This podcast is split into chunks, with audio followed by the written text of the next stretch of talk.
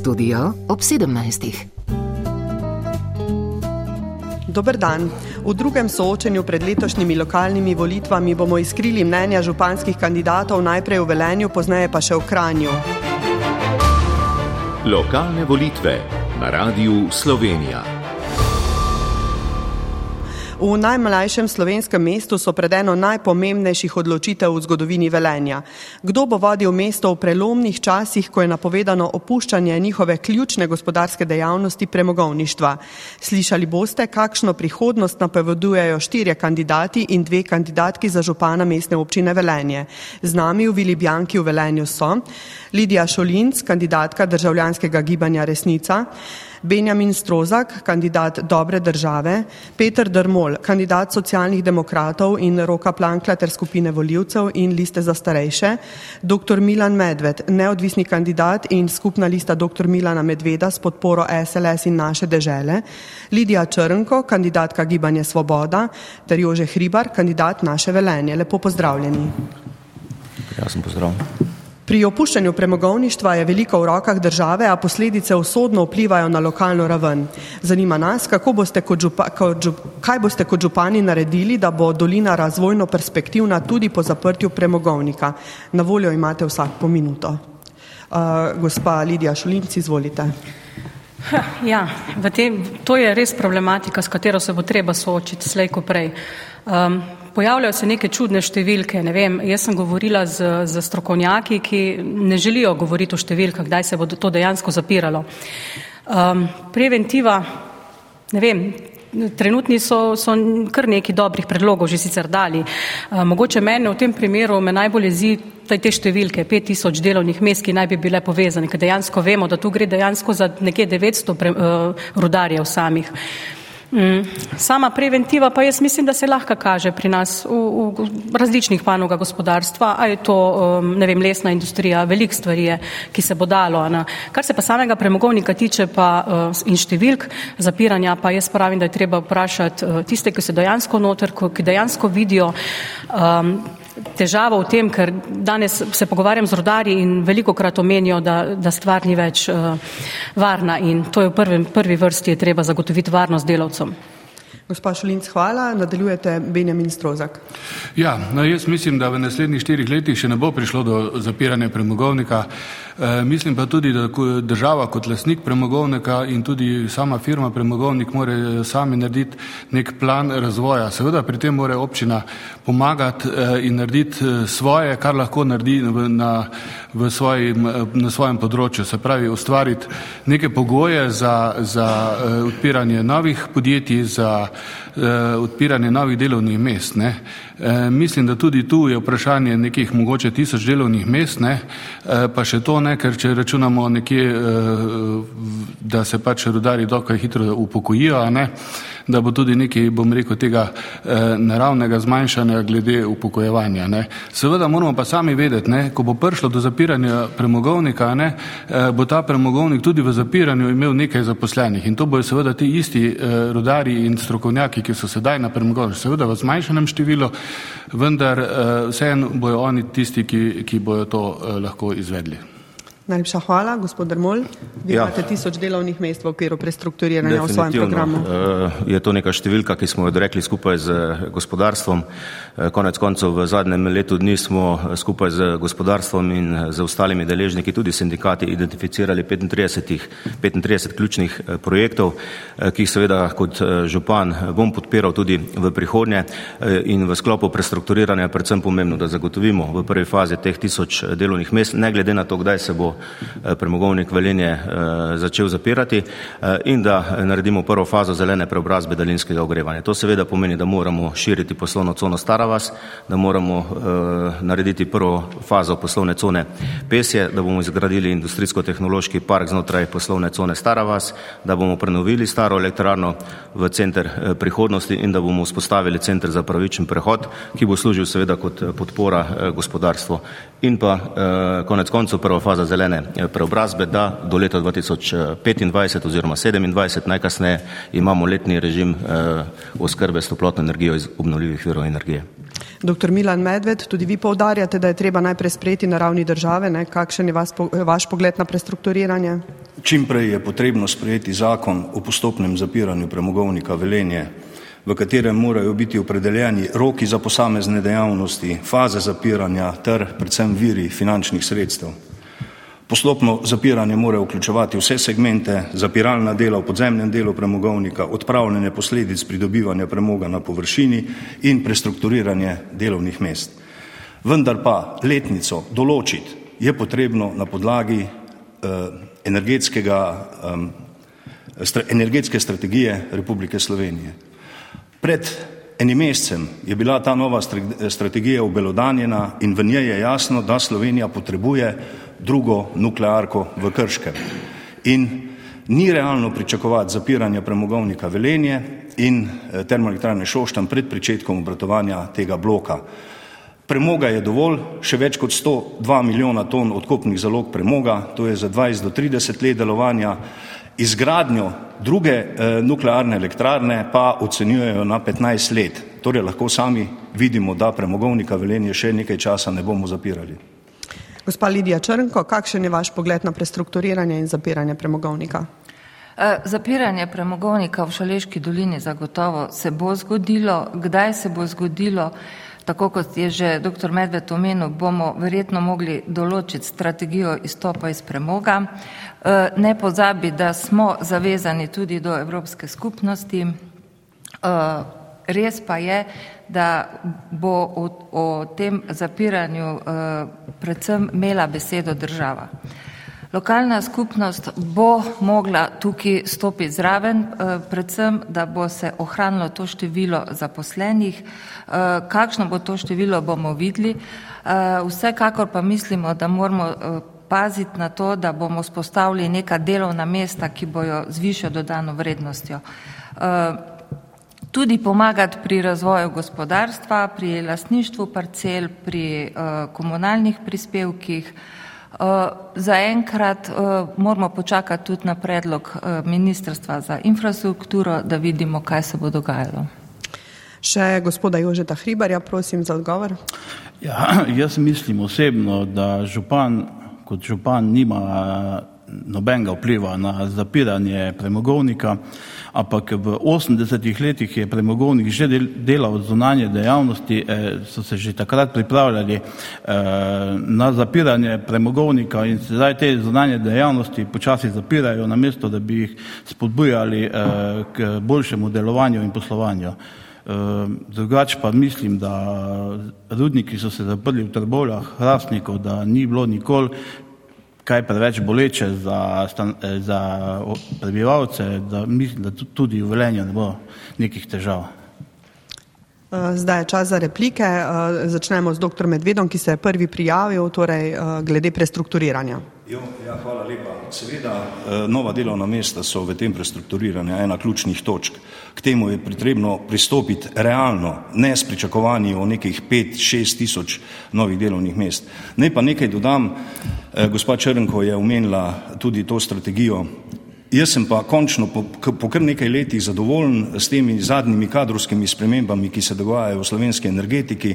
Namreč na čelo prihajajo, so že prišli v tem zadnjem mesecu ali dveh, pa še prihajajo kadri, ki se spoznajo na energetiko. Torej niso od nekod drugot, eh, ki energetike niso imeli za prioritetni cilj eh, in imam zaupanje, da bojo znali to energetsko strategijo Slovenije tudi usmisliti. Torej je slišati, da bo prihodnost malo bolj svetla.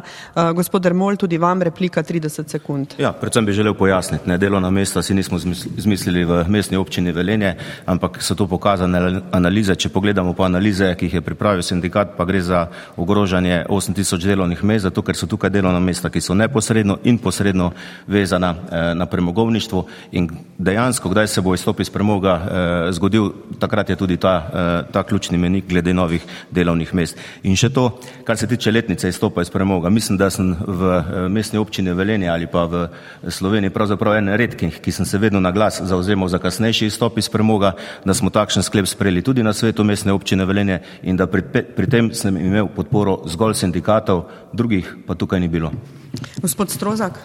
No, jaz mislim tudi, da uh, zapiranje premogovnika ne, ne pride v poštev v naslednjih, bom rekel, desetih letih. Ne. Uh, ker uh, namreč premoga, kot so nam, jaz sem bil včasih tudi svetnik mestne občine Velenje ne, in takrat, ko se je začela pripravljati izgradnja T6, so nam govorili, da je premoga dovolj do 2050 oziroma mislim celo do 2055. Kar pomeni, da tudi življenjska doba termoelektrane Šoštanj je na, na, na, narejena za, ta, uh, za to letnico. Ne. In mislim, da pri taki investiciji investicij in pri tem pomankanju energentov eh, in energije eh, je nesmiselno to zapirati prej eh, kot takrat, ko je življenjska doba in da je še premoga. Torej, značilno velensko, še gospod Hribar. Ja, jaz bi nekaj dodal, ne, kar so moji prijatelji pozabili. Eh, treba je omogočiti eh, rudarjem eh, boljše plače in, boljše, in bolj varne pogoje dela. Ne. Kopanje 500 metrov pod zemljo je vedno bolj nevarno in država ne poskrbi, da bodo ljudje varni, pa da če že delajo to delo, da so primerno plačani. Ker trenutne plače v premogovniku so zelo slabe in mislim, da je to večja težava kot neko zapiranje čez 10, 15, 20 let. Torej smo izčrpali uh, temo premogovništva oziroma prestrukturiranja. Naslednje, kar me zanima, je uh, v svojih programih vas je večina omenila zdravstvo. Uh, se pravi, v zadnjem času je bila tudi večkrat izpostavljena ta problematika zdravstvenega doma Velenje. Nasplošno me zanima, kako boste vi kot župani omogočali dostopnost javnega zdravstva. Zdaj bomo šli v obratnem vrstnem redu in torej začne gospod Jože Hribar. Ja, glede težav v zdravstvu, ne, uh, vemo, kaj je vzrok, ne, ampak trenutna oblast ga ne odstrani. Ne. Pač direktor očitno ne zna eh, voditi zadev, eh, če bi jaz bil župan, bi ga že davno eh, po domače povedal na bincev, eh, ker to, kaj se dogaja v Velenju, je nemogoče. Eh, vsi pravijo, da zdravnikov primakuje, ok, ampak zakaj iz Velenja bežijo v Nazarje, v Žavc, pa ne vem kam. Pomeni, da tam so pogoji boljši, kot so v Velenju in eh, to je treba spremeniti. Ne. Eh, zdravnike treba pritegniti, da pridejo v Velenje, eh, pač eh, brez zdravnikov ne bo šlo, eh, prebivalstvo se stara, eh, upokojencev je vedno več eh, in bo treba v tej smeri malo bolj agresivno nastopiti. Kako pritegniti zdravnike? Pa, pa vem, vse pa se ve, ne, eh, z denarjem se vse da rešiti, vse, vse se konča pri denarju. Dobro, zdaj gospa Lidija Črnko. Lidija Črnko, imate mogoče vi rešitev? Ja, eh, problemi v zdravstvu so pravzaprav na dveh nivojih. Najprej ne pozabi, da ima cela Slovenija eh, sistemske težave z eh, zdravstvom, nasplošno s sistemom, kot tudi z zdravniki. Mislim, da ni bilo posrečen upis v šole na medicinske fakultete in da če ne bomo povečali števila upisa, ne bomo tudi v bodoče prišli do pravih številk. Drugo pa je, kar se dogaja v lokalni skupnosti. Uh, lejte, recimo, če nekdo odstopi in gre v sosedno občino, pomeni, da ni šel zaradi večje plače, sej zdravnik ne, uh, potem lahko sklepamo, da gre za neurejene odnose. Uh, odnose ureja direktor oziroma skrbi za nje. Direktor za direktorja svet zavoda. Se pravi, svet zavoda je ta, ki more ugotoviti in ustrezno ukrepati, kadar prije do težav. Dr. Milan Medved. Ja, ne samo za zdravstvo, tudi za vse ostale, vsa ostala področja dela v občini bomo mi, ki na novo prihajamo, eh, najprej naredili temeljito analizo in skrben pregled stanja, da ne bi na pamet govorili, koliko česa potrebujemo. To velja tako za stanovansko izgradno, eh, kot eh, tudi za nekatere druge, nekatera druga področja dejavnosti. Zdaj pri samem zdravstvu v Velenju je čut med ljudmi, Zelo veliko pripomb, zelo veliko. Ena takih pripomb, da te lahko v nedeljo zvečer uh, preseneti na vratih dežurne ambulante listek, uh, da če je nujno se odpeli v muzirje, uh, je pač skrajno resna.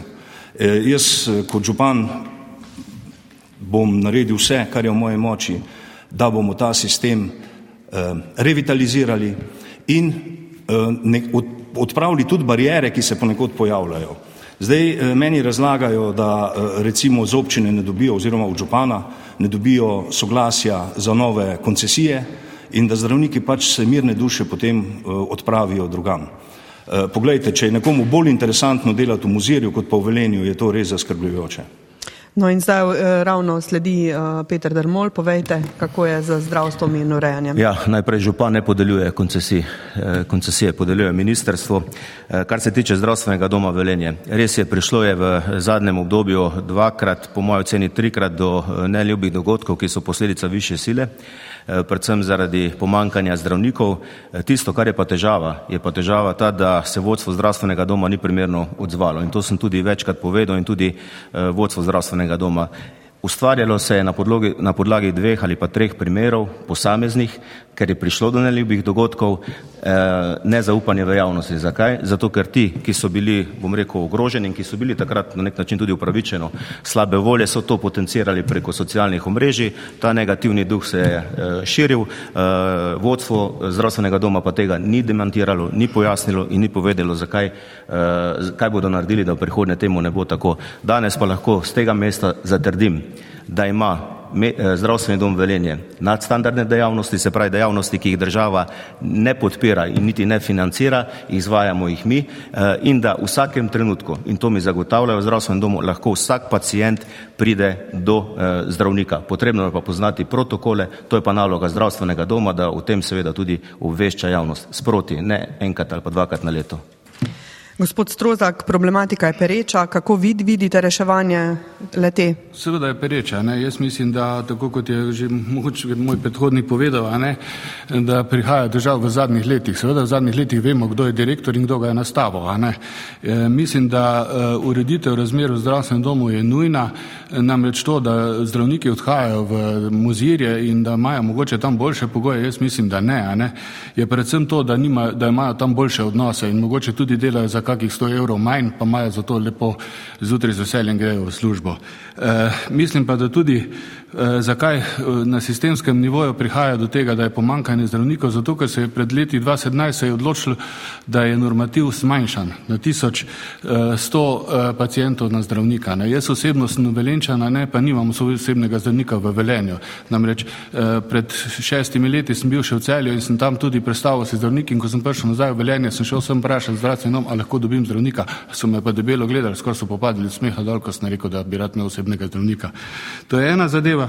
Druga pa mislim, da je predvsem stvar vodstva, se pravi direktorja, ta, ki lahko to naredi, da odnose poboljša. Se pravi, vodstvo replike malo pozneje, še gospa Šolinc, eh, vi pravite, da si boste tudi prizadevali odpraviti nepravilnosti ravno na področju zdravstva. Izvolite. Tako je. To eh, opažamo mi kot zelo veliko rak rano pri nas, da se to dogaja pri 33 tisoč plus prebivalci v mestni občini Velenje, da se v nedeljah zgodi, da je zaprta ambulanta, v drugi, v drugi nedeljo eh, se zgodi, da, da nimajo um, tistih ljudi, ki bi vozili, ljudi, ki so res življenjsko ogroženi, to, to, si, to si mi ne smemo privoščiti. To je ena stvar. Kar se tiče samih zdravnikov, jaz mislim, da imamo pri nas še kar strukturo zdravnikov zelo, zelo starostno visoko, ne? da bi tu bilo potrebno najprej tudi stare zdravnike zdravnike upokojiti, da se potem lahko mladi zraven um, pridružijo. Pa ni glede to, pri nas je tudi velik. Um, Veliko drugih stvari, recimo pri nas opažamo, sploh kar se mladine tiče, ambulanto za mentalno zdravje. To je zelo nujno potrebno pri nas. Sploh zdaj v tej COVID situaciji, ki se je zgodila, ne morejo biti čakalne dobe, ne vem, z nujno napotnico, da rečejo tri mesece. To je prva stvar, ki jo bomo mi recimo apelirali na državo, da nam te zadeve omogoči. Veliko teh ambulant je, ki so nujno potrebne za naše mesto. No in zdaj po krogu eh, odgovorov sledi krog replik, podobno kot prej, vsak ima na voljo 30 sekund, gospod Dermol je bil najprej, potem pa uh, gospod uh, Medved. Ja, najprej potrebno je vedeti, kaj je primarno zdravstvo, kaj je sekundarno zdravstvo. Ko to vemo, potem lahko sprejemamo tudi takšne ukrepe. Kot drugo, v svetu zavoda ima mestna občina Velenje dva člana od sedmih ni za pričakovati, da bo župan tako vse poprek lahko menjaval direktore, zato ker tudi zakonodaja tako nareta, da nimamo te pristojnosti in možnosti. Imamo pa vedno v vsakem trenutku pravico na glas povedati, kaj je, ali smo zadovoljni, ali nekdo uh, ima moje zaupanje ali nima tega zaupanja. In uh, tretjo, zdravniki odhajajo drugam. Tudi mnogi zdravniki prihajajo k nam, to, tega pa nihče ne pove. Skratka, je, pri, je odliv in je priliv zdravnikov. Ustvariti je pa potrebno optimalne pogoje in mi zdravnikom dajemo tudi stanovanja, tudi poskrbimo za, za, za njihove otroke in tako naprej, da lahko ljudje tukaj, ko pridejo sem, normalno začnejo živeti in delati. Doktor Medved, potem uh, gospod Strozak. No, pogledajte, tak odgovor, da župan ne izdaja koncesij, je seveda popolnoma točen, ampak tudi popolnoma neuporaben. Jaz kot župan nikakor ne bi bežal pred, pred svojo odgovornostjo. Najmanj v dveh točkah. Župan izda soglasje, brez soglasja ministrstvo ne bo izdalo koncesije. In pa druga točka, župan je tisti, ki mora skrbeti za najbolj odgovorna delovna mesta v javnih zavodih in vse temu, kar spada k občini. Torej, župan ne more reči, ne, vodstvo, z vodstvom smo nezadovoljni. Z vodstvom je treba, mora imeti razgovor, urediti zadeve in tudi potem reševati takšno situacijo. Gospod Strozak, vi ste na vrsti. No, jaz bi odgovoril eh, županu Petru Drmolo. Ne? Eh, glede na to, da do sedaj ni bilo nobenih menjav, pa nobenih eh, javnih kritik eh, direktorja, se pravi, da ga v teh pogledih podpira. E, mislim pa, da to seveda ni dobro, zato ker samo, samo stanje v zdravstvenem domu in tudi ljudje, ki to občutijo, e, mislijo drugače. E, tu je predvsem naloga vodstva zdravstvenega doma, da se zadeve uredijo. Sama stranka SD je na veliko propagirala 30 dni do, do e, specialista, ampak mislim, da v 300 dneh ne prideš do osebnega zdravnika, ne pa do specialista. Gospod Hribar. Ja, jaz bi dodal, ne, župan ne more zamenjati direktorja, ampak v svetu zavoda je večinoma ljudi, ki jih je nastavil SD, da v bistvu da župan lahko zamenja direktorja, kar hoče. Ne. Vse v bistvu SD je dobil na prejšnjih volitvah večino in v svetu zavoda je večinoma njihovih ljudi, da lahko to izglasujejo v 14 dneh ali pa še prej. Še kakšna replika? Gospod Dermol, dovolim en stavek glede na to, da uh, je, je šlo za neposredne obtožbe ja, na vas. En stavek. Medvedo, uh, povem, da sem izdal soglasje za koncesije, tako da uh, ne bi o tem diskutirali. Kar se tiče pa večine v SD-ju, lahko bi, gospod Hribar, dolgo ste že v svetu mestne občine Velenje, veste tudi vi, kakšno pravico imate, uh, koliko ljudi lahko SD po vašem mnenju nastavi gospod in kakšno Dermol. pravico imate vi kot uh, opozicija. In tudi veste, koliko smo jih nastavili ustavili. Res čisto na kratko, dr. Medved. Po mojih informacijah še vedno štiri koncesije čakajo na soglasje. Tako da to bo očitno še tema, ki bo pereča tudi na vseh uh, ostalih soočenih oziroma uh, v, teh pre, v tem predvolilnem času ali bo odločilna tudi na volitvah, bomo videli potem uh, na volilni dan. Zdaj se selimo na temo priseljenstva. Namreč ne le v preteklosti, še zdaj v velenje prihajajo priseljenci, predvsem zaradi pomankanja delovne sile. Tukaj je res pestra zasedba ljudi. Zato je pomembno, kakšen bo odnos župana do priseljencev, kako bo z integracijo velensko družbo. Eh, začne tokrat eh, gospa Lidija Šolinc. Uh, tako je. Problematika priseljenosti pri nas je zelo velik problem. Mi tukaj predvsem opažamo, kar se tiče vključevanja v neke procese. In mi smo si v, v svojem programu zadali, da bi apelirali na družbo, na, na državo, da bi dali tem priseljencom, se pravi, uh, neko dobo vključevanja, preden jih vključimo v procese. Tukaj predvsem vidimo vključevanje v, v šolo samo zelo motijo procese, pa ni zdaj to nastrojeno kakorkoli, ampak uh, potrebno bo te, te ljudi uh, najprej uh, umestiti v naše okolje, treba jih bo naučiti naše kulture, naše, našega jezika, se pravi, potem v nekem določenem obdobju jih bomo pa potem vključili vse te procese. To, jaz mislim, da je to nujno potrebno pri nas, ker ljudje izražajo to na veliko. Gospod Benjamin Stroza, kakšen je vaš odnos do priseljenstva v Velenju? Ja, jaz mislim, da Velenje je že od nekdaj uh, večkulturno mesto, ne, da tako rečem, kajti to se je pač z uh, premogovnikom pojavilo, ne, da smo uh, imeli premalo delovnih uh, mest, premalo delavcev za, za premogovnik in smo že v, rekel, v prejšnji državi uh, je ogromno ljudi prišlo uh, sem.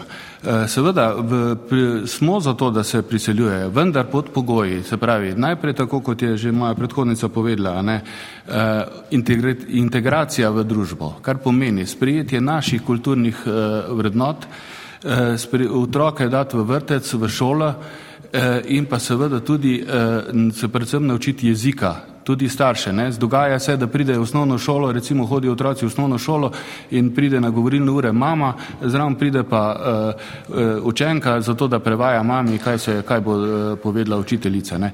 Predvsem pa bi tu povedal tudi to, ne, da se dogaja so te socialni transferi potem, ne, ker ta pač pride nekdo sem delati, zato da ima vstopnico v EU eh, in je, potem gre pa naprej. Tu je pa treba od primera do primera se dobro uh, spremljati in uh, odobriti. Uh, gospod Peter Denmol, vaš odnos do priseljenstva? Ja, priseljenci eh, prihajajo k nam, eh, zavedam se, da je veliko negodovanja bilo tudi predvsem za tuje govorečimi eh, priseljenci. Ehm, žal, kot lokalna skupnost seveda neposrednega vpliva na to nimamo, kajti gre za sistemsko, sistemske težave, ki jo je sprožil že pravzaprav tudi pokojni Bojan Kontič v državnem svetu pred leti ehm, in je potrebno sistemski ravni urediti integracijo priseljencev na način, kot je naprimer to urejeno za azilante. Tam lahko rečemo, da je ta integracija integracija veliko, veliko boljša. Tisto, kar lahko kot lokalna skupnost in kar danes počnemo, je, da imamo znotraj Andragočkega zavoda Ljudska univerza, mislim, da nekje okoli sedem programov, ki se aktivno ukvarja z učenjem tujega jezika, z priseljevanjem in integracijo eh, teh ljudi. Je pa res, ker ni sistemske rešitve, eh, ker ni zakonodaja tako napisana, da je to na prostovoljni bazi in seveda se prostovoljno si odločajo.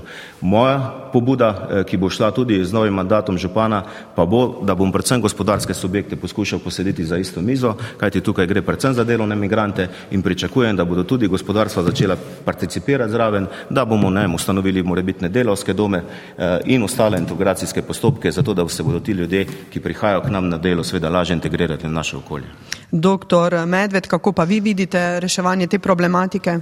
No, mesto Velenje je naravnost idealen poligon, da bi znali te stvari pametno in smotrno urejevati. Namreč mi sobivamo z različnimi kulturami že desetletja.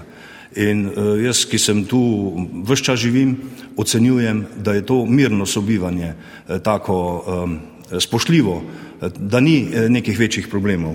Zdaj, seveda, brez aktivne integracije teh priseljencev ne bo šlo.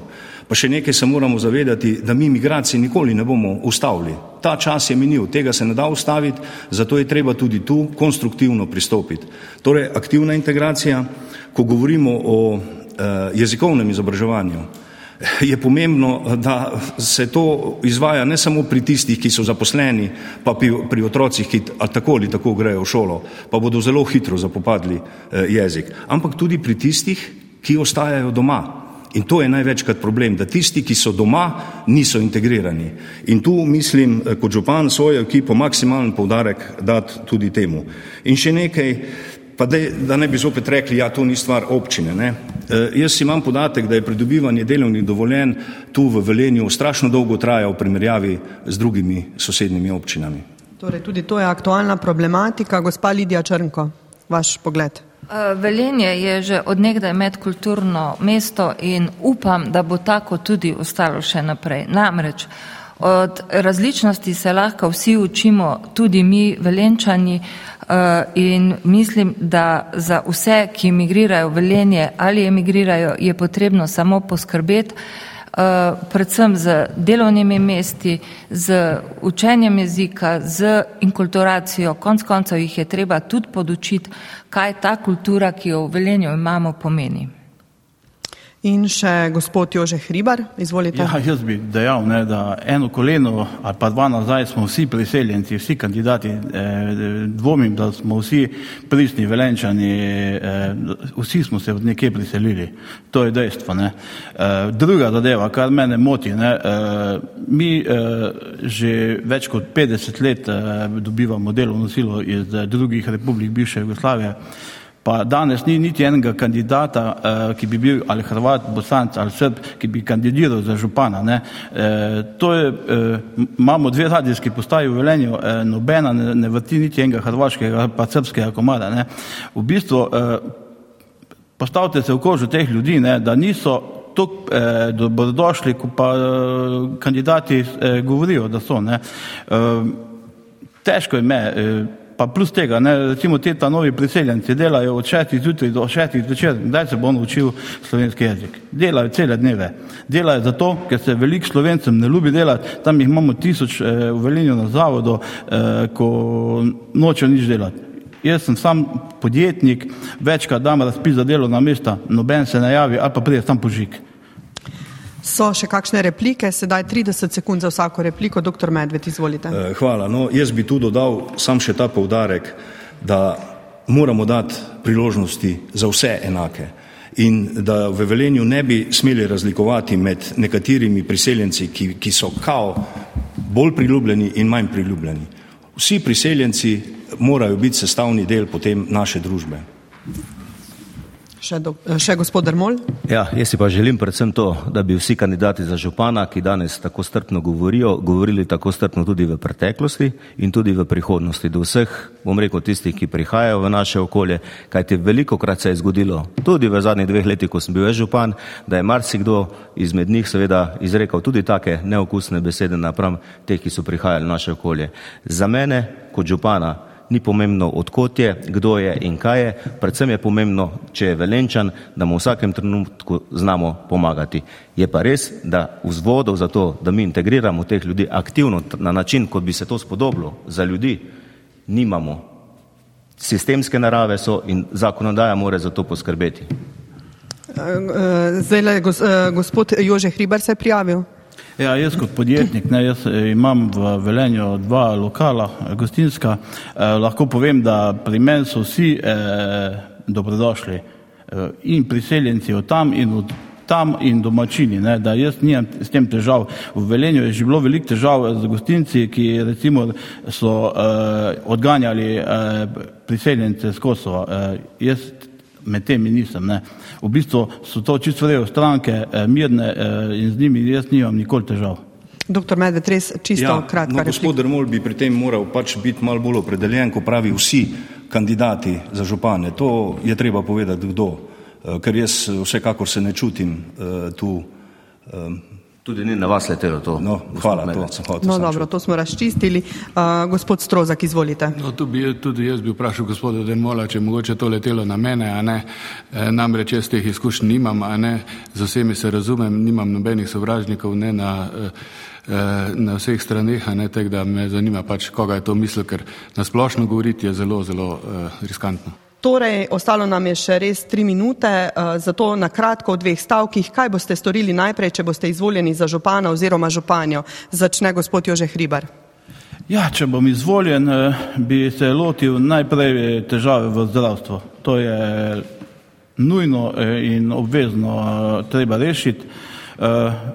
Potem pa je treba pač eh, po našem programu eh, začeti reševati zadeve, ki jih obljubljamo voljivcem. Gospa Lidija Črnko, kaj boste vi storili? Uh, najprej se mi zdi uh, nujno potrebno prisluhniti vsem eh, prebivalcem v občini Velenje, vsem občankam in občanom, eh, kaj imajo zapovedati, kaj si želijo od eh, novega vodstva, z njimi vzpostaviti neko tvorno komunikacijo, potem pa pogledati po programu in začeti uresničevati naše programske ideje. Doktor Milan Medved, kaj bodo vaše prve korake? No, kar nekaj je tega, kar je za upraviti, vendar čisto na začetku. Moramo vzpostaviti konstruktivno sodelovanje mestne občine Velenje z vsemi deležniki okrog nas, v občini, sosednjimi občinami, z ustreznimi inštitucijami, ministerstvi in tako dalje. Velenje mora zopet priti eh, na tisto mesto, kjer je že bilo, na pomembno eh, kot pomembno mestno središče v Sloveniji. Gospod Dermol? Ja, mi bomo pa nadaljevali komunikacijo redno z Evropsko komisijo, z eh, predsednikom vlade, z vsemi ministri, ki lahko aktivno pripomorejo k pravičnemu prehodu in zagotavljali bomo kvalitetno bivanje tudi v prihodnje na način, da bomo realizirali celoten program, ki se tiče tako infrastrukture, kot tudi programa za dostojno in kvalitetno življenje vseh skupin ljudi. Gospod Strozak? Ja, najprej to zdravstvo smo že rekli, treba najprej to urediti, potem dati vsebino in izkoristiti potencial mladih in upoštevati želje in potrebe starejših. Imamo lepe prazne prostore, ki pa samevajo brez vsebine in brez življenja. Urediti cestni promet in prometnice v Velenju ne, in pa uvesti v Velenju parcitipirni proračun, da bo lahko občani vključeni pri odločanju, kateri projekti so pomembni za občane in katere si želijo. Še gospa Lidija Šulinc. Ja, pri nas se bomo zauzemali poleg ureditve zdravstva v prvi vrsti za umejiti oziroma končati dobo nepotizma in klientelizma, ki je že dolga desetletja upet v našo družbo in vse institucije. Torej, eh, boj za župana v Velenju bo še pester, kandidatom hvala za pojasnila. Iz Velenja se poslavljava novinarka Ametka Perc in tonski mojster David Lab. Sledi še soočenje kandidatov v Kranju. Lokalne volitve na radiju Slovenija. Dobr dan, drage poslušalke in dragi poslušalci iz Kranja, kjer začenjamo soočenje županskih kandidatov za vodenje mestne občine. Dobr dan, spoštovani kandidati. Dobr dan. Dobr dan.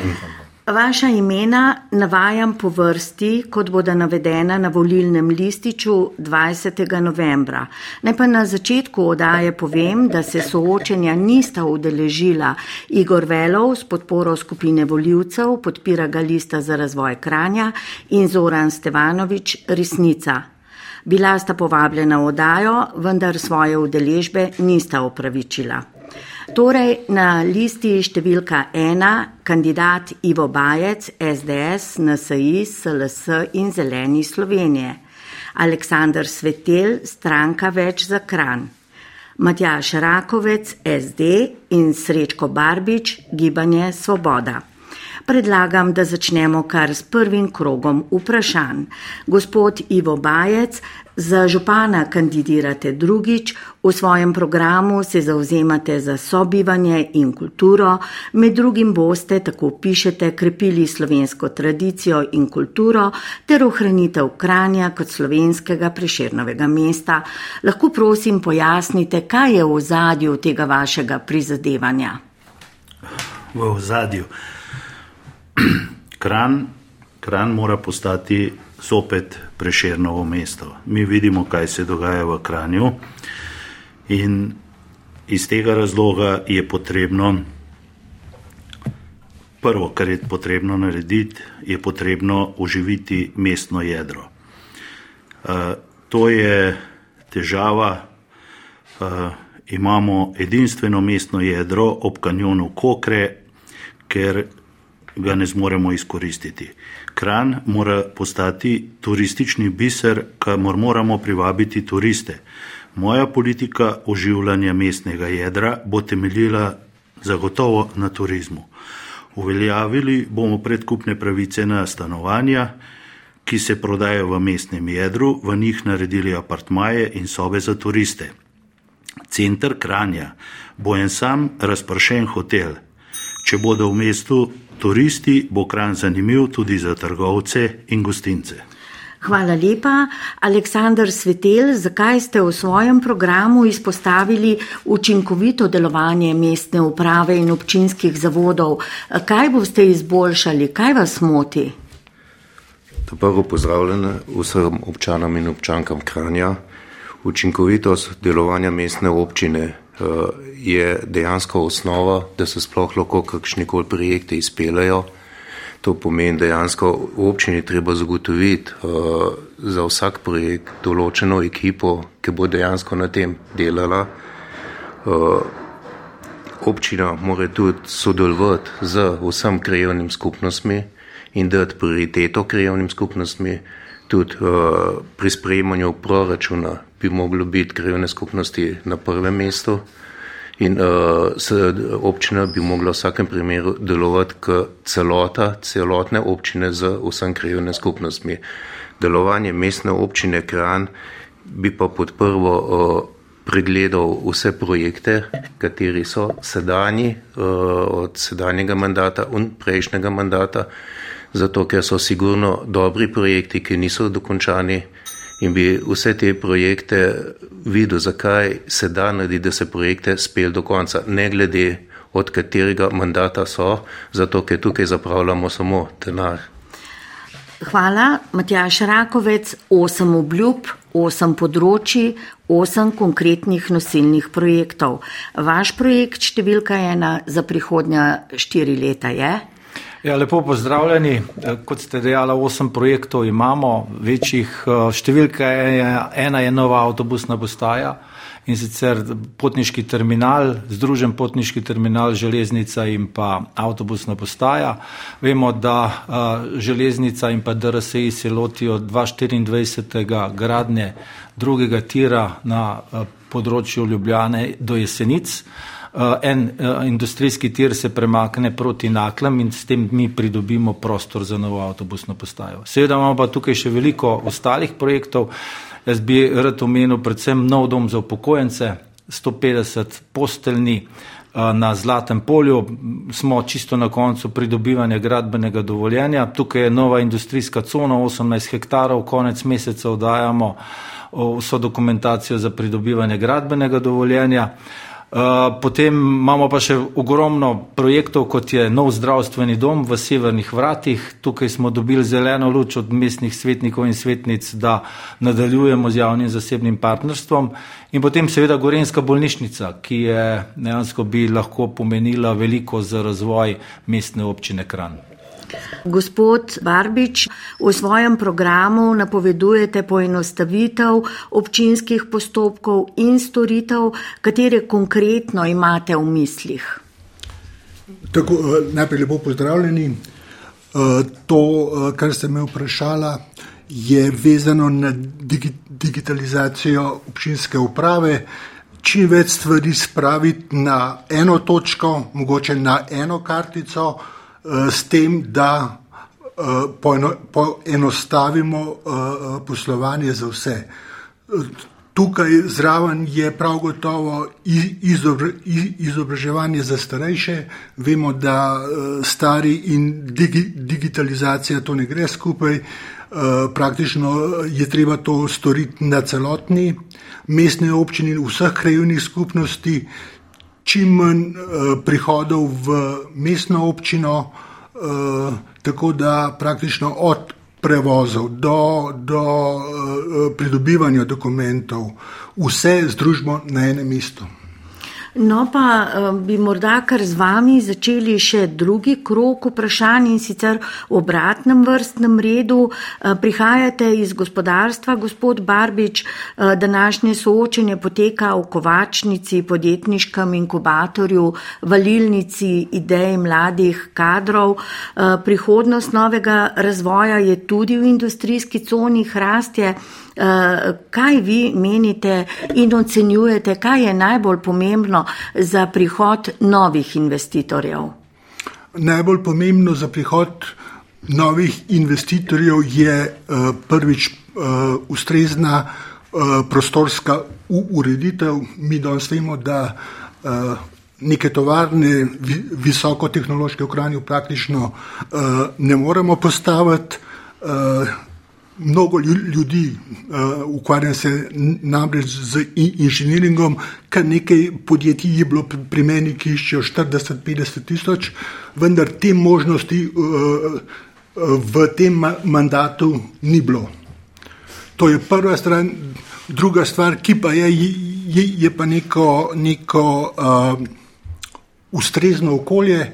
Mi vemo, da mladi odhajajo drugam, mi vemo, da uh, da kakšnega razvoja v Kranju ni in, in uh, to je neka osnova. Mladi, uh, ustrezen prostorski akt.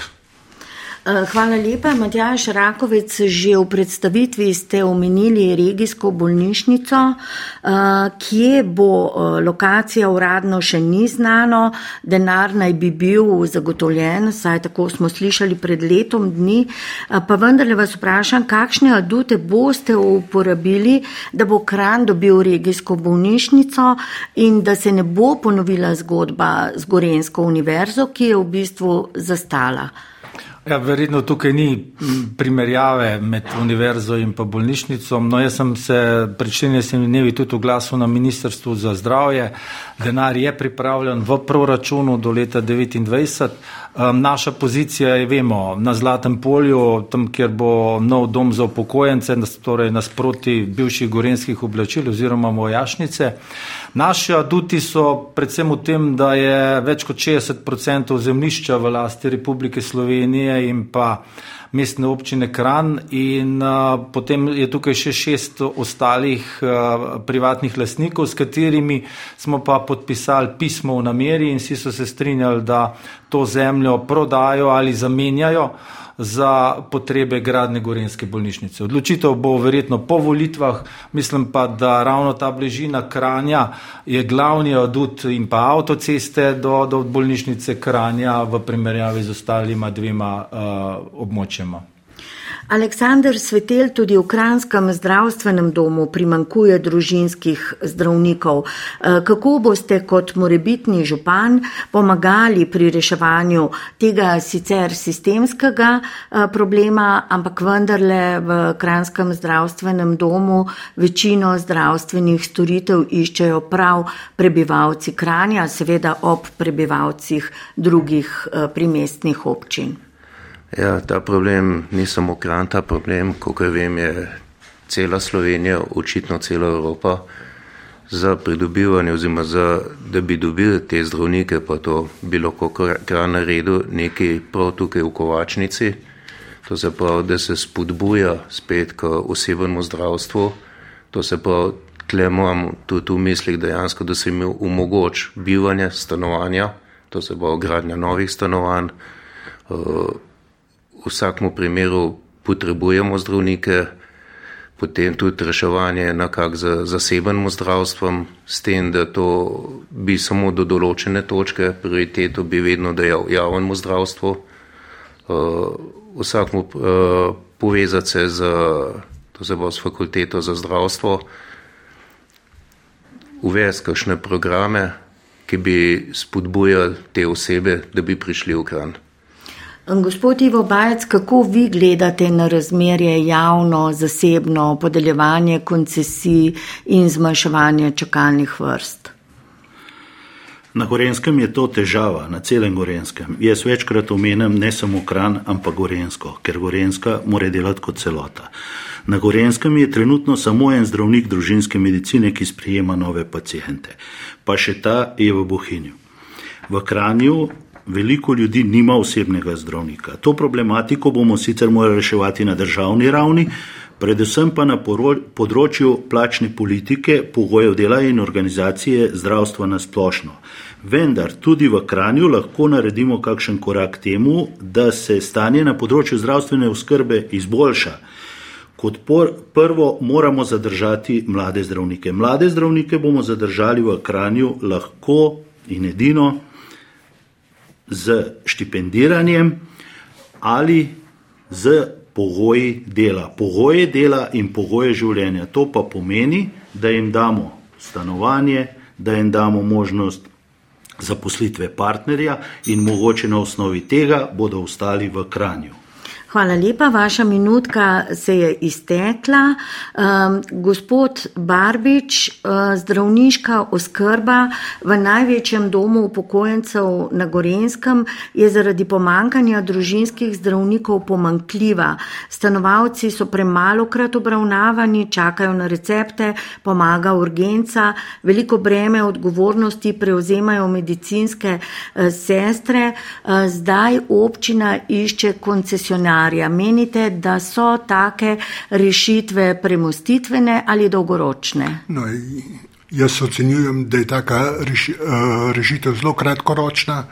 Uh, po moji oceni je treba črpati za, za javne zavode iz javnega zdravstva. Uh, vemo pa, da uh, eden od, od uh, vprašanj, zakaj ni ukran uh, zdravnikov, je izredno slabo okolje.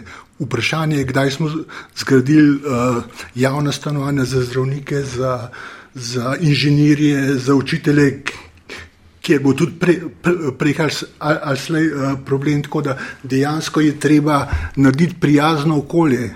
Uh, vse multinacionalke vejo točno, kaj je to prijazno okolje in na ta način iščejo inženirje, zdravnike in tako naprej. In to bi bila ena od oblik, katero mi zagovarjamo. Eh, gospod Rakovec, občina je v preteklosti kar aktivno sodelovala eh, po svojih močeh kot ustanoviteljica pri eh, izpolnevanju pogojev in zagotavljanju stanovanj. V Kran so prišli tudi zdravniki iz nekdanje Jugoslavije. Boste to prakso v primeru ponovne izvolitve nadaljevali? Ja, najte, stvar je jasna. Mi, uh, jaz sem v svojem programu imam napisano tisoč novih stanovanj in jaz za to številko stojim. Začel se je že veliko delati, predvsem uh, smo ustvarjali uh, pogoje oziroma ja, pogoje zaupanja za privatne investitorje. Mi bomo že ta mesec pravnomočno gradbeno dovoljenje bo pridobljeno za kransko iskrico, potem nasproti vhoda. V... Se upravičujem, ampak samo če mi odgovorite na ja, to konkretno bo. vprašanje. Poglejte, mi smo na zadnji seji mestnega sveta predlagali ustanovitev, prvi, šlo je za prvo branje odloka o ustanovitvi stanovanskega sklada mestne občine Kran. To bom takoj dejal, dal na sejo tudi v, v naslednjem mandatu in to je ključnega pomena. Mi z prenosom stanovanj na stanovanski sklad dobimo približno vrednost desetih milijonov. Zadolžimo se lahko za, pol, za pet milijonov in prva stvar, kar bo, bomo začeli po starem mestnem jedru odkupovati stare hiše oziroma stanovanja in jih prenavljati za mlade družine, prav z namenom. Poleg tega bo pa stanovanski sklad naredil še na področju obsavi 245 novih stanovanj in drugo leto začnemo z infrastrukturo, gradnjo infrastrukture. Uh, ja, izvolite, gospod Barbič, imate pravico do replike, izvolite. Ja, tako, ja, uh... Uh, župan Ragoč je mu glede stanovanskega sklada možnost štiri leta. V štirih letih ni, ni naredil nič, praktično je dal ustanovitev stanovanskega sklada na zadnjo sejo. Vemo, kakšna je druga uh, seja. Naslednjo vprašanje, ki je uh, problematika, se ne rešuje z socialnimi stanovanji in z komercialnimi stanovanji mladi nimajo denarja. Treba je poiskati neke druge opcije, kot so uh, dolgoročni najem, zadruge, uh, najemnina, ki se pretvarja v, v, v, v kupnino. To so rešitve. Gospod Bajec, pravica do replike, izvolite na to ja, temo. Tudi jaz bi gospodu Matjažu mal repliciral. Uh, v Kranju je kar nekaj načrtov za gradno več stanovanskih objektov, gradila se bodo, kot je rekel Iskrica, stanovanja na območju nekdanje Koreje, ob Savi, predvidena je gradna več stanovanskih objektov pri avtocesti v Britofu. Vendar sem sam bolj pristaš grad, gradne individualnih hiš, Kran mora odpreti prostor za individual, individualno gradno nesocialnih stanovanj, ki ustvarjajo geta naselja. Ena mojih prvih prioritet bo nov prostorski plan, ki bo odprl prostor individualnim gradnam. Hvala lepa, gospod Rakovac, izvolite. Ja, sam da dopolnim sprejetje podroben prostorski načrt občinski za Mlako Vest na 11 hektarjih večinoma se, bo gradila, eh, eh, se bodo gradile hiše. Je pa izredno težko najdeti v Kranju nova stavbna zemljišča. To zdaj vidimo težavo pri sprejemanju novega OPN-ja, ker imamo preveč nezazidanih stavbnih zemljišč in imamo problem dobiti eh, strani soglasodajalcev nova stavbna zemljišča. Dokler teh ne pozidamo, večinoma je v privatni lasti, dejansko ne moremo dobiti novih stavbnih zemljišč na področju uh, gozdov in pa seveda kmetijskih površin sploh ne mogoče pozidati.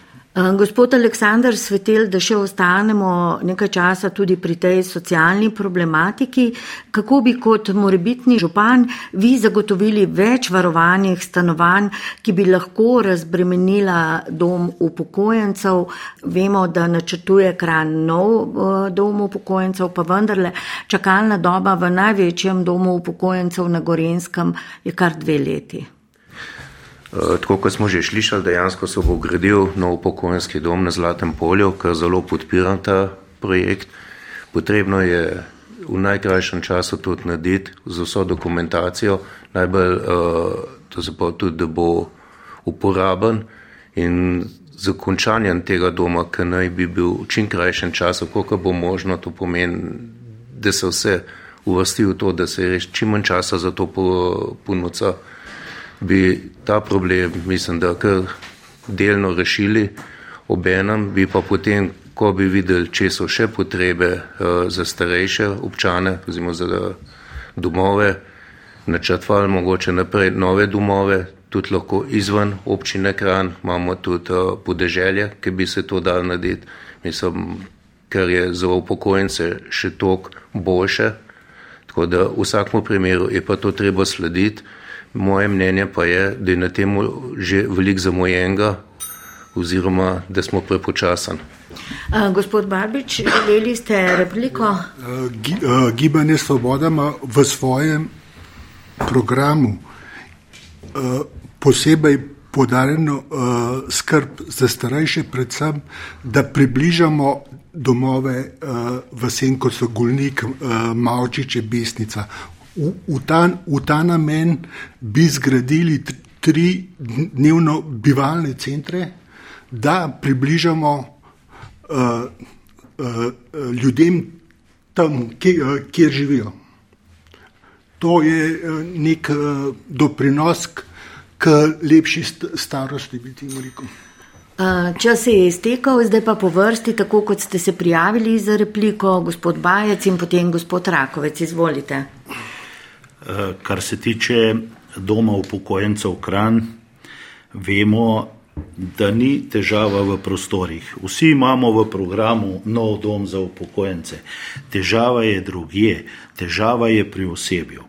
In jaz kot župan bom prvo, kar bom naredil, odprl en razred uh, medicinskih sester v Kranju ali strežnic ali nekaj takega. Treba je dobiti delovno silo v te domove za upokojence, ki jih trenutno ni. Vemo, kaj si naredil Škofelok, naredil so nov dom, pa so ga čez tri dni mogli zapreti.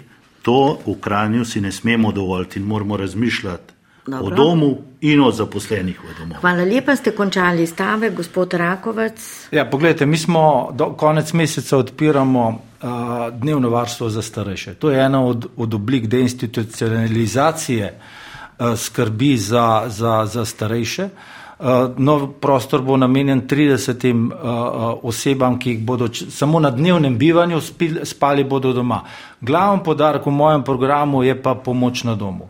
Tukaj se bomo najbolj angažirali, ker vidimo, da ljudi manjka in tukaj je tista moč občine, ki lahko določene stvari naredi. Je pa stvar v tem, to je eden zadnjih domov, ki se bo delal, tukaj je to dejstvo, vse ostalo bo po domovih in mi moramo to pomoč nuditi. Hvala lepa. Zdaj prihajamo na aktualna vprašanja priseljevanja tujcev v Kran, pa bi eh, začela eh, kar z vami, gospod Ivo Bajec. Eh, po dostopnih podatkih ne bi bilo več kot 16 odstotkov prebivalcev Kranja tujcev, kako vi skupaj z vašimi podporniki gledate na to problematiko?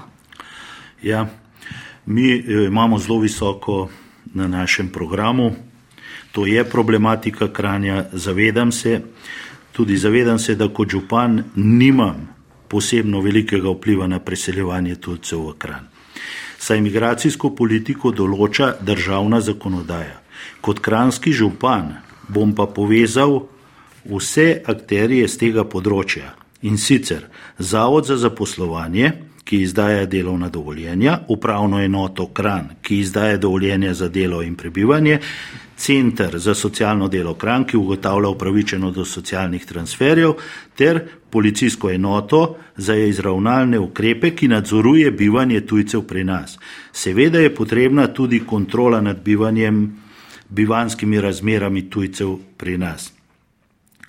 Tukaj bi samo še to povedal, da ni dopustno, da so ljudje, ki dejansko sploh ne bivajo v Kranju oziroma v Sloveniji, prejemniki socialnih transferjev.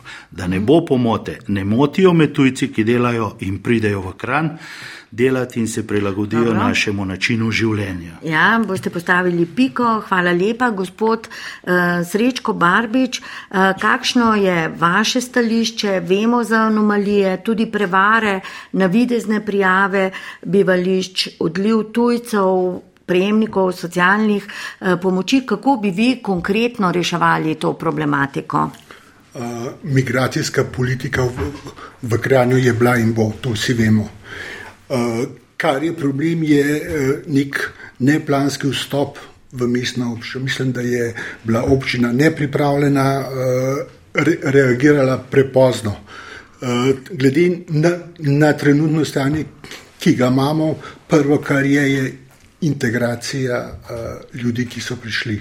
Na nek način jih, jih moramo spoznati z jezikom, z, z, z občino in tako naprej, ne jih pa spravljati, kar se na nek način zdaj tudi dela, malo kot neka geta. Vse uh, anomalije, ki so uh, prejemki socialnih uh, uh, sredstev in, in tako naprej, kateri niso upravičeni, je treba pa nujno preko države spodbuditi vse inšpekcijske službe in, in dejansko tle reagirati. Eh, gospod Matjaš Rakovec, znana so vaša prizadevanja, v bistvu gre tudi za neko pad pozicijo, saj vsa upravna in delovna dovoljenja, tudi bivanska, sprejema upravna enota. Eh, pa vendarle, gospod Barbič je rekel, da ste eh, odreagirali prepozno kot občina. Gospod Barbič ni rekel, da smo odreagirali prepozno mi, ampak prejšnji mandat. Če pogledamo številke do 2019, do začetka 2019 je bil največji priliv tujcev v, v, v Kran. Še enkrat povdarjam, mi smo takoj se lotili tega problema, naredili uh, posebno komisijo, v kateri so vse to, kar je gospod Ivo Bajec naštel, plus kriminalisti, plus policija, davčna in tako naprej. Pripravili smo 24 predlogov za spremembo zakonodaje, skupaj v mestnem svetu enotno je bilo to sprejeto, dal na prejšnjo vlado, kar nekaj je bilo narejenega. Jaz sem prejš, pred 14 dnevi zopet napisal pismo predsedniku te vlade, pismo je odstopil Ministrstvu za šolstvo in tukaj je glavni problem. Glavni problem je seveda integracija otrok v šolski sistem in pa v zdravstveni sistem. To je glavni problem, s katerim se občina sooča in jaz mislim, da bomo najdeli rešitve, delamo na tem. Uh, tako da uh, je pa velik problem, predvsem šola je tisti problem, ki in uh, to, kar imamo kolektive ravnateljev, so dejansko ravnatelji pred pre, velikimi preizkušnjami. Eh, gospod Aleksandr Svetel, vi pa v svojem programu napovedujete pravzaprav programe za uspešno vključevanje tujcev v lokalno okolje, eh, zlasti v panogah, kjer primankuje domače delovne sile. Katere programe pa imate v mislih? Vemo, da je predvsem v gradbeništvu in drugih storitvenih dejavnostih problem pomankanja. Pomankanje delovne sile je v Kranju tako, kot v drugih občinah. Prekomerno priseljevanje, tudi jaz osebno nisem za to, da se to uredi zakonsko, sicer na državni ravni. Osebe, ki se pa že preselijo tukaj v mestno občino Kran za okolico in dejansko, ki sprejemajo zakonodajo, o, ki jo imamo in se prilagodijo ne samo z uh, obveznostmi, ampak tudi, uh, mislim, pravicam, ampak tudi obveznostmi.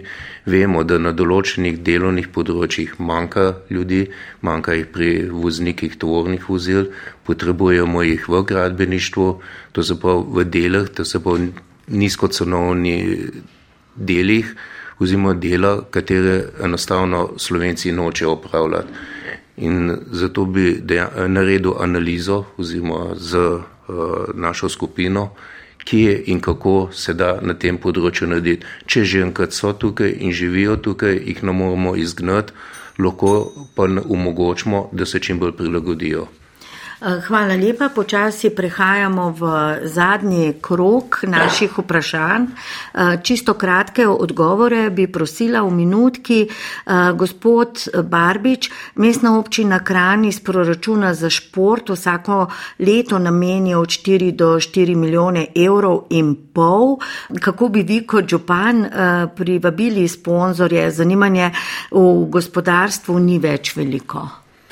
Velik problem kranja glede športa je prvič komunalna infrastruktura, ta je dejansko stara. Mi, mi, mi danes nimamo dvorane, kjer bi prišlo na 4000-5000 ljudi, kar je bistven interes za sponzorje.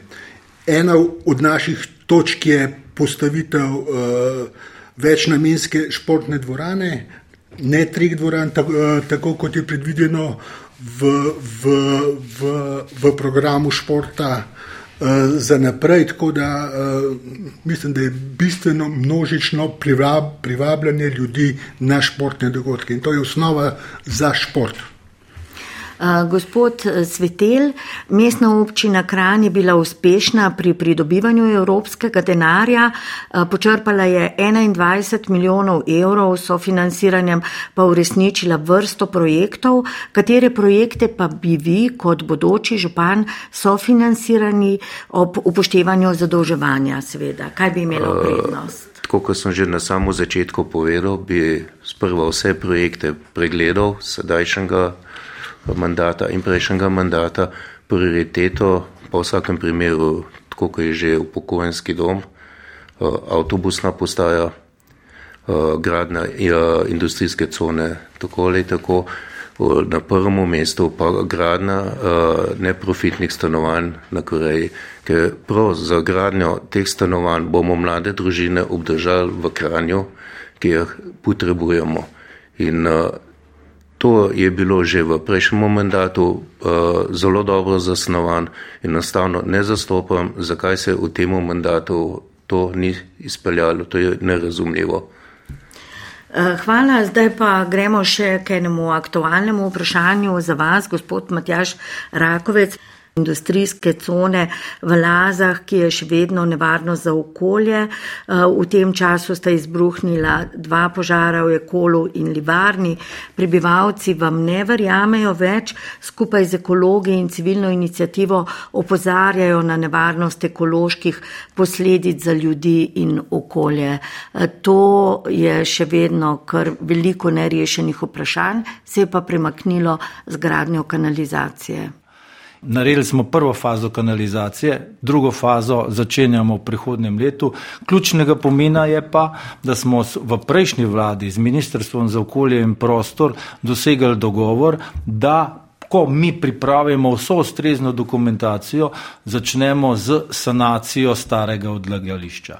In tukaj bo Ministrstvo za okolje in prostor ima proračunska sredstva in se bo zadeva dejansko razčistila plus kanalizacija, merimo uh, kvaliteto zraka in če pogledate danes, ker je možno to pač spremljati na internetni strani, je kvaliteta zraka v tem delu zelo, zelo čista. Poleg tega se pa nad, uh, nad lazami, to se pravi na poti proti Joštu, dejansko zdaj premika za gradno individualnih hiš. Tam vemo, da je velik prostor v privatni lasti, no in tudi z njimi smo dosegli dogovor, da se bo to v tem mandatu začelo uh, izvajati izvajati. Gospod Bajec, še vaše stališče do teh uh, ekoloških vprašanj, morda najbolj perečih na območju občine Kran? Ja, Kran je po mojem mnenju pri črpanju evropskih sredstev zelo uspešen. Uh, drugo vprašanje je pa, če so ta sredstva usmerjena v prave investicije. In gospod je prej rekel, da bo najprej pogledal projekte v mestni občini Kran. Ja, mestna občina Kran v zdajšnjem mandatu je odprla veliko projektov, ogromno projektov. Ja, Treba se jih povprašati, kateri ja. so zaključeni. Ja. In zdaj bomo prišli na to. Ogromno projektov ne pomeni, da bo ogromno projektov tudi narejenih. In točno tukaj laze, gospod Rakovec, je delal programe na 8 let.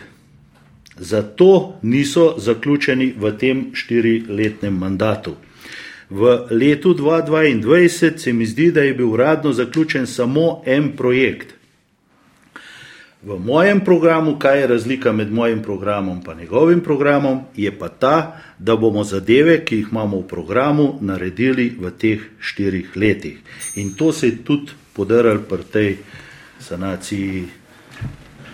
Dobro. To je bil pravzaprav eh, tudi eh, zadnji krok, ki ste ga skupaj sklenili spoštovani kandidati za župana mestne občine Kran. Hvala lepa vsem, ki ste se udeležili, srečno na volitvah, drage poslušalke in poslušalci. Mi pa zaključujemo drugo soočenje pred lokalnimi volitvami na Radiu Slovenija, ki smo ga pripravili v Velenju in Kranju. Zato je skrbel Franci Modr oblikovala pa sem to oddajo Aljana Jociv. V četrtek se bodo soočili županski kandidati iz mestnih občin Ptuj, Murska sobota in Novo mesto.